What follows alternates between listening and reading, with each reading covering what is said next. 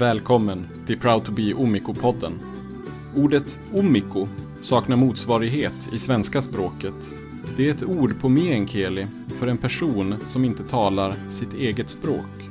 Ett ord för alla oss tornedalingar, kväner eller lantalaiset som tappat meänkielin, språket som våra föräldrar eller far och morföräldrar pratade.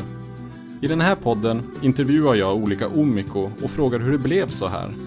Varför pratar vi inte meänkieli? Kan vi vara tornedalingar, kväner eller lantalaiset utan att tala språket? Och vad väntar för minoritetskulturen efter den stora försvenskningen av Norrbotten? Mitt namn är Daniel Fjällborg. Välkommen till Proud to be Omiko. Dagens Omiko är riksdagsledamot för Socialdemokraterna, tidigare terminalarbetare på LKAB och aktiv i fackförbundet IF Metall. Uppvuxen i Kiruna med meänkieli-talande föräldrar med släkten ursprungligen från Karesuando-trakten. Välkommen Emilia Töjre. Tusen tack. Vad roligt att du vill vara med i podden. Ja, kul att vara med. Vi brukar börja med att prata lite grann om, om din bakgrund i relation till meänkieli och, och minoriteten och så. Eh, vem har pratat meänkieli runt omkring dig? Ja, men det har väl de flesta vuxna gjort när jag var liten. Eh, jag kommer ihåg när vi var i stugan i Mauno så eh, var det inte sällan jag brukade somna i kökssoffan medans eh, mamma och pappa och mina morbröder och mommo satt och pratade runt omkring. och då var det alltid med en keli eller finska. Jag vet inte riktigt vad som var vad, men då var det det språket som var ja, för husbehov helt enkelt. Mm. Mm. Nu sa jag Karesuando-trakten i introduktionen, men du har släkt ifrån Mauno som då ligger bredvid Karesuando ja. och från eh, Kotainen. Kotainen. Ja. Om man vill ha de exakta byarna. Ja. Vart det här är någonstans. Det kan vara viktigt för de som vill, eh, som vill hävda sin äganderätt över riksdagsledamoten. Ja exakt, det, så kan det vara. Ja. Eh, lite så här by, byafejden. Ja, verkligen. Men eh, du nämnde att de flesta vuxna, vuxna så att säga runt omkring då, mm. under din uppväxt pratade meänkieli. Ja. Eh, du växte upp i Kiruna? Eller? Ja. Precis. Var det även i Kiruna då eller var det mest i byn som ni pratade? Eller som ja, det pratades med enkeli? Alltså hemma så var det, mamma och pappa pratade alltid med enkeli med varandra.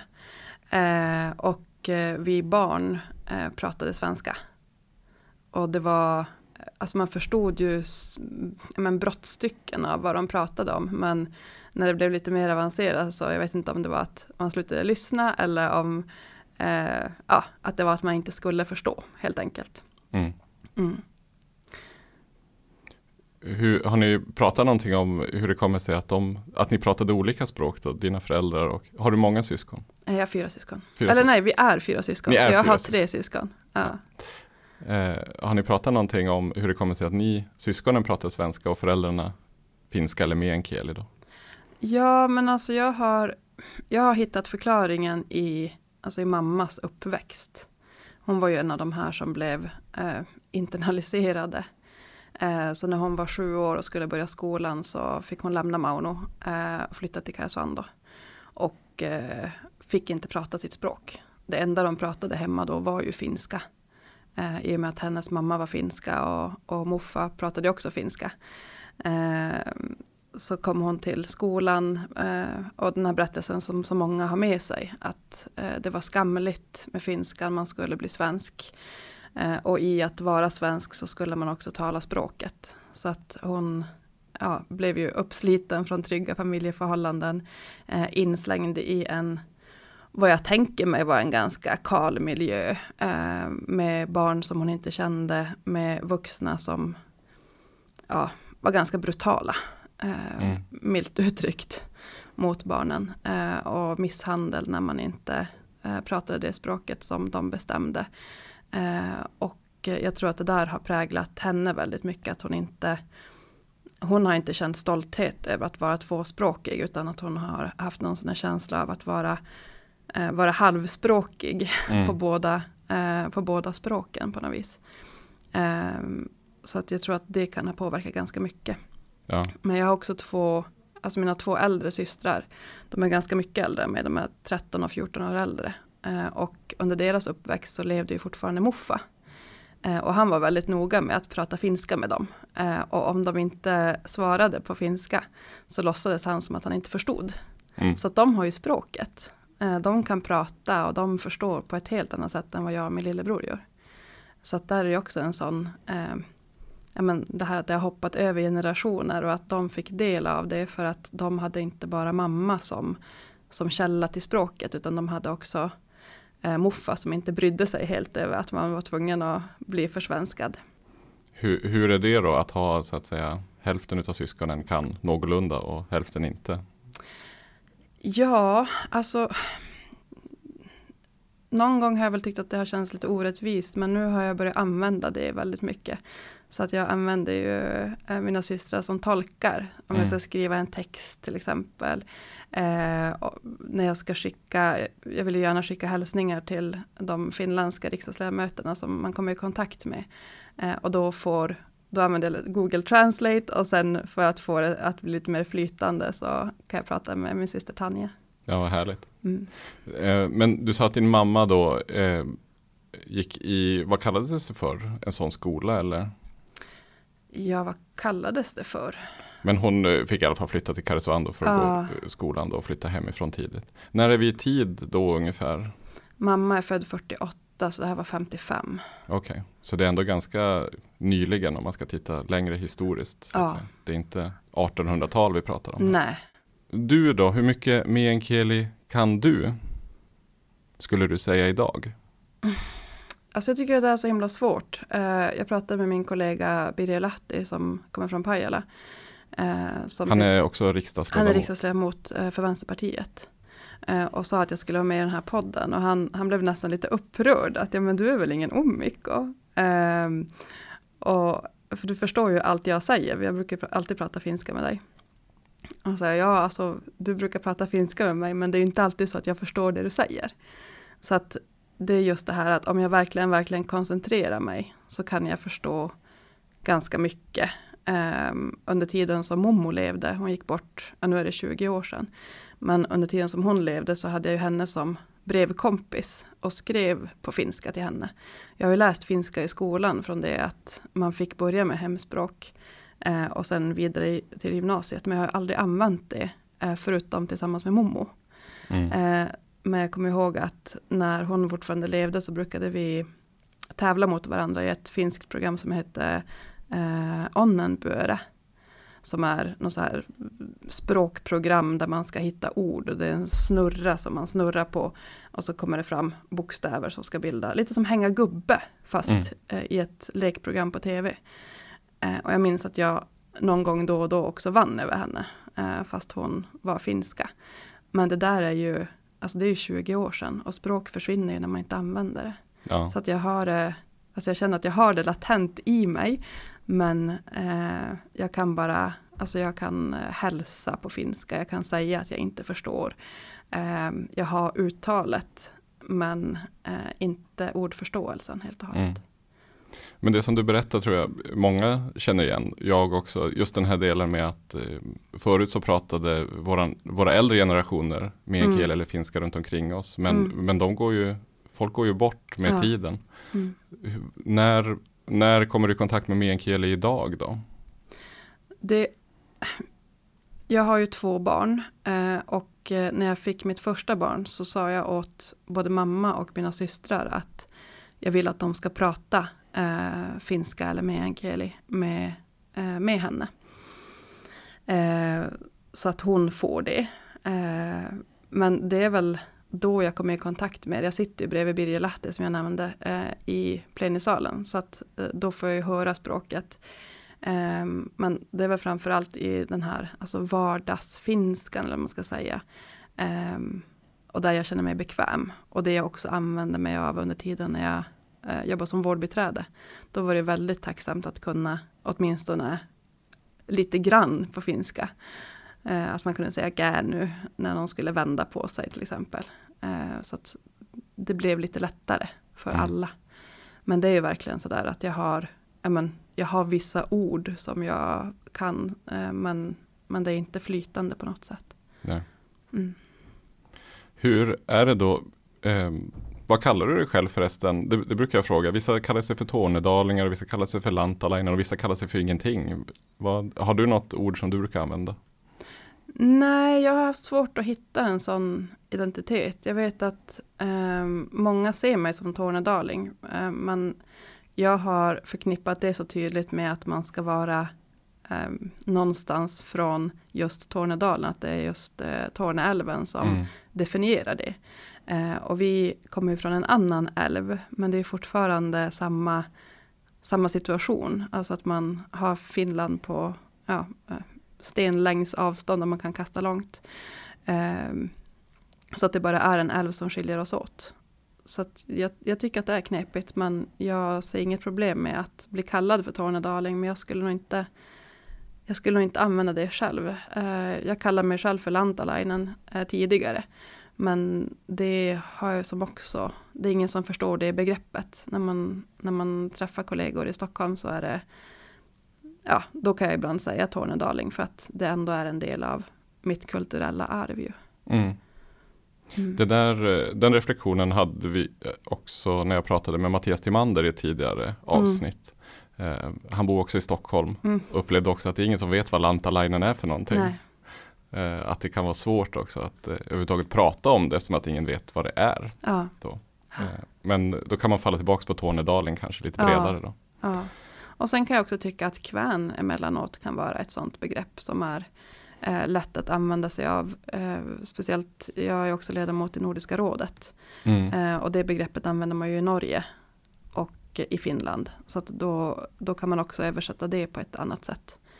Eh, så att kvän eller tornedaling är väl det som, som oftast används av mig. Om, ja, om nu den frågan kommer upp, men det gör det sällan. Ja.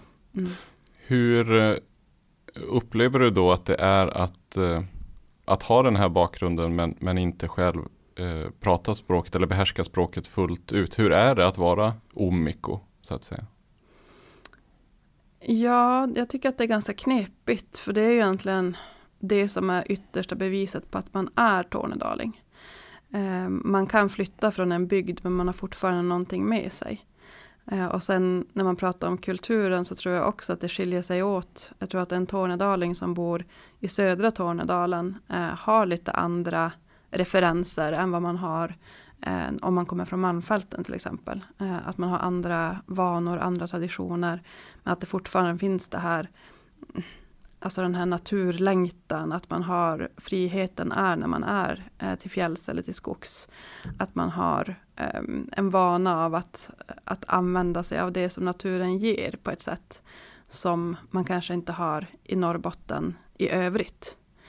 Um, så att ja, jag tycker att det är knepigt. Det, språket hade varit så skönt att, att ha med sig. Mm. Och speciellt när man ändå har haft det så himla nära. Det hade varit så enkelt att, eh, att kunna få med sig det som en trygghet och som en, en fast punkt i det. Eh, plus att det ju också främjar annan språkinlärning om man har, alltså om man har det redan från barndomen. Mm. Hur gör du då för att, eh, för att känna dig mer som eh, som hemma på något sätt då, i, som Tornedalen, Lantalainen eller, eller Kvän när du inte har språket? Alltså jag försöker ju erövra språket. Ja. eh, försöker hitta musik som jag tycker om som är, då blir det framförallt på finska, det är väl det som är lättast att hitta, men det finns ju också eh, men, exempel från Norrbotten på, på personer och grupper som försöker använda sig av, eh, av språket i sina texter. Jag tycker att det är ett sätt att att kunna göra det. Men sen ja, men på fredag eftermiddagar när man kan slå på Finmix, det är ju en sån där grej som jag tror att fler också känner igen sig i. Att det är en genväg till att på något sätt ändå språkbada, alltså att man, man får höra det. Mm. Och det är också en sån sak som jag kan bli så himla imponerad av alla de som ringer in till Filmmix och som kan växla mellan svenska och meänkieli på ett sånt sätt så att man inte ens upplever det som att de växlar mellan språken utan att det växel används. Att de börjar inte tveka och hitta ord utan de bara slänger in det svenska om de inte hittar det på meänkieli eller tvärtom. Mm. Eh, så att det blir en, ett sånt flyt i talet eh, som jag tycker är så himla häftigt. Ja, Finmix är verkligen en sån där resa runt jorden. De, jag tror alla lyssnar på Finmix, ja. låter det som, som jag har pratat med i alla fall. Eh, på resor eller hemma och så.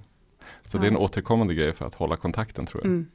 Filmix kommer jag ihåg också alltid när vi åkte till stugan på helgen på fredagen. Ja. Då så slog man igång radion. Det kändes som att Filmix var någon slags evig institution som alla lyssnar på Filmix.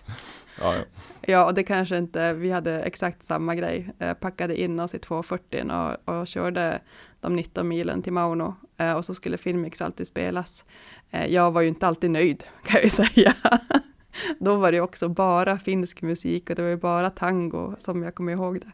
Så det var ju inte alls lika tillgängligt som det är nu. Ja. Mm. Du, jag tänkte ställa frågan hur det kommer sig att du inte pratar med en kille, hur, hur du tror om det. Du har ju varit inne lite grann på det här med att din mamma fick gå skola, eh, fick lämna byn tidigt och blev så att säga försvenskad på det sättet. Men mm. finns det några andra anledningar som du har sett till, till hur det kommer sig att du inte pratar med en kille idag? Mm. Jag tror, alltså det som också är kopplat till ja, men uppväxten var väl att det var ju inte, det var inte speciellt häftigt eh, att kunna vare sig finska eller meänkieli när, när jag var liten. Mm. Utan det var ju eh, någonting som, men vi som läste hemspråk, eh, vi gjorde det lite grann i skymundan, vi var inte så många. Jag tror att när jag slutade grundskolan så var vi väl tre stycken som fortfarande, som fortfarande gick där. Eh, så det är väl en grej, men sen tror jag också att det är, ja men i min vardag idag så har jag ju ja, men en sambo från Stockholm Eh, som aldrig har varit i kontakt med språket. Eh, mina kollegor, ingen av dem förutom Birger då, eh, pratar ju språket. Ja, Linda Modig också i och för sig från, alltså från Övertorneå, men hon pratar alltid svenska med mig. Så att det, man kommer inte i kontakt med det på ett naturligt sätt om man inte söker sig till det. Och i allt utbud som finns så måste man hela tiden aktivt välja det. Eh, och det är svårt om man, om man redan känner sig ganska överväldigad av alla intryck man har. Och att då också lyckas få in eh, att öva sig på språket. Det är lite trixigt. Mm, mm. Faktiskt. Eh, att inte prata språket då, har det påverkat på något sätt dina relationer, alltså med till exempel, du har pratat en del om din eh, mamma och morfar och så. Mm. Eh, har det påverkat relationerna till människor eller till, till platser eller så på något sätt? Mm, jag, mer när jag var yngre. Nu har ju de som helst ville prata med Angeli, de har ju de flesta har ju gått bort. Eh, Moffa gick ju bort innan jag föddes så att honom har jag aldrig träffat. Eh, men nu så är det så allmängiltigt att det är svenska vi pratar. Jag tror till och med att ja, men när mamma träffar sina syskon numera så pratar de nog i princip bara svenska. För att, eh, ja, för att mommo inte är kvar och för att de också har blivit så vana att prata svenska med sina barn. Eh, så det är inte lika naturligt. Men det är klart att i byn så är det ju, eh, ja, där är det fortfarande så att när eh, folk kommer och hälsar på så är det eh, verktyget de har, det är språket de använder. Mm. Så att det jag skulle väl inte känna att jag känner mig exkluderad, men det är klart att det känns ju alltid fånigt när någon pratar ett språk med en och så svarar man på svenska och så är man inte helt säker på om man har förstått exakt vad det var de ville fråga, vad de ville fråga eller prata om. Eh, och sen det här med att ja men, le lite grann för att man förstår att det var ett skämt, men man är inte säker på om det var ett lämpligt skämt. eller om det var, eh, ja, alltså att man inte helt och hållet förstår, när man inte förstår språket helt så kan man inte heller förstå tonerna mm. i det. Så att det är klart att det får ju en att känna sig lite korkad. Ja. ja. Du är ju riksdagspolitiker mm. idag. Eh, pratar, ni, pratar man någonting om meänkieli eller eh, minoriteten i politiken? Hur upplever du det? Eh, jag gör ju inte det lika ofta längre. Eh, jag satt i konstitutionsutskottet under förra mandatperioden. Och det är ett av de två utskotten som behandlar minoritetspolitik. Så det är klart att då var det mycket, mycket mer eh, aktuellt.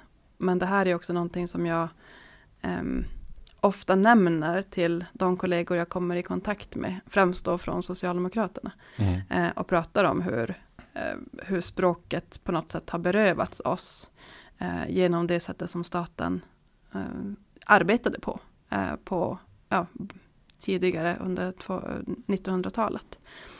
Eh, och att det inte får ske igen. Mm. Och jag tror att jag har lyckats men, bredda kunskaperna om eh, vad ett språk gör med ett folk och vad, vilken betydelse det har att man eh, inte anses vara värdig bara för att man kan två språk istället för ett. Och i dagens kontext så är det någonting som folk tycker är helt absurt. Eh, men så var det ju inte bara för, alltså bara för 30 år sedan, så var det ju en helt annan verklighet. Mm. Eh, kanske inte i Stockholm, det vet jag inte, men, men eh, i Tornedalen och absolut i Malmfälten i alla fall. Mm. Mm. Hur, hur tänker du, du nämnde sta, hur staten har agerat tidigare. Vad tänker du på mer konkret då i relation till språket och minoriteten? Eh, men att man var så rädd för att det fanns eh, en del av befolkningen som, eh, som inte kunde svenska. Eh, och det är ju förstås ett jätteproblem. Men lösningen är ju inte att ta ifrån dem det språket de har. Utan snarare att bredda kunskapen och se till så att man också kan svenska.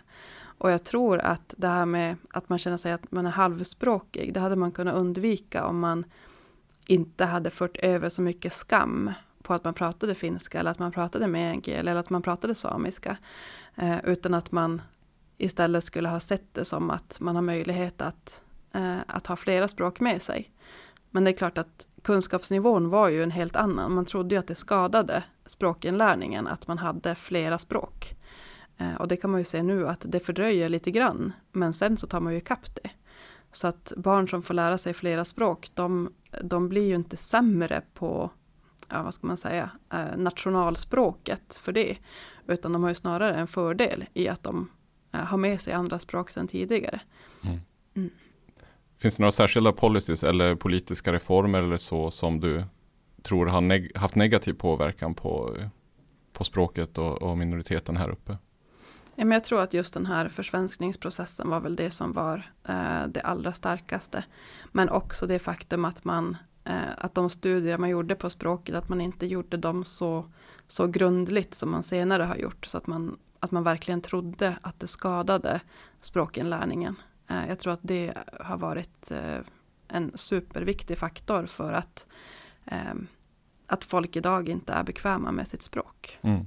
Men det finns ju också, även om den här stoltheten att kunna, att kunna ett annat språk, den här stoltheten över att vara i minoritet, även om den idag, tack vare faktiskt eh, det, alltså det samiska folket, att, att de har återerövrat eh, sin identitet och att det finns en stolthet där. Jag, jag tror att det också har lyckats trygga andra minoriteter eh, och att tornedalingar också känner att men, vi måste se på det på ett annat sätt. Och där finns det jättemycket vi skulle kunna göra idag som, som skulle förändra alltså, ja, kommande generationers inställning till språket. Men det börjar ju bli ganska, jag ska inte säga att det är knappt om tid, för det går alltid att förändra, men ju färre som kan språket, desto färre är det ju som utbildar sig till lärare som har språket med sig gratis, desto färre är det som, som kan vara en aktiv del i att faktiskt prata. Eh, och det är ju klart att även om du läser i skolan, om du inte kan kommunicera på språket, eh, så kommer inte det hjälpa jättemycket. Mm. Så jag tror också att det här som man gjorde, som var mycket större förut, som finns på sina ställen idag, eh, den här möjligheten till att eh, åka på språkresa eh, till Finland till exempel, att man, att man bor i en familj under två veckors tid och har intensiv inlärning. Jag tror att det skulle vara en jättebra sak för att då är det inte meänkieli man får, men man får finskan och det är ju, alltså då kan man lättare också eh, hitta tillbaka till meänkieli. Men också det faktum att det nu finns ordböcker att köpa på bokhandlar. Eh, bokhandeln i Kiruna är ju helt lysande. Det finns ju barnböcker på meänkieli som, eh, som också öppnar upp för att, ja, men, att mina ungar kommer kunna förstå meänkieli när de blir större. Mm. Ja, det har verkligen skett en, en äh, återerövring där Ja. på litteratursidan. Ja. Eller börjat i alla fall. Ja, Men när du pratar då om meänkieli eller tornedalingar, kväner, lantalaiset i, i Stockholm då med andra riksdagsledamöter eller andra människor. Mm. Hur, hur upplever du, hur är kunskapsläget?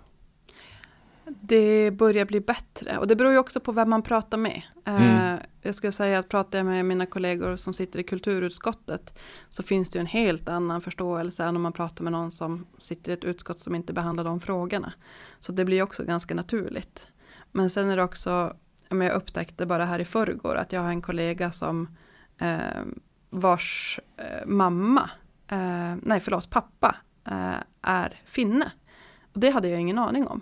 Eh, och han har ju ett finskt efternamn men jag har inte identifierat det som finskt. Och han har ju aldrig någonsin nämnt det tidigare. Så det är också en sån sak att det finns ju runt omkring oss och andra personer som har berövats språk som de hade kunnat få med sig. Bara det att inställningen har varit så skev tidigare. Så att man inte har gjort ansträngningar för att, eh, för att ta tillvara på det här. Mm. Eh, vi ska börja avrunda mot slutet av intervjun här, men då brukar vi prata lite grann om framtiden Mm. och hur, hur du tänker kring det. Dels för minoriteten eh, som, som grupp, men också för dig själv i relation till språket och kulturen. Mm. Hur tänker du kring, hur ser framtiden ut Emilia?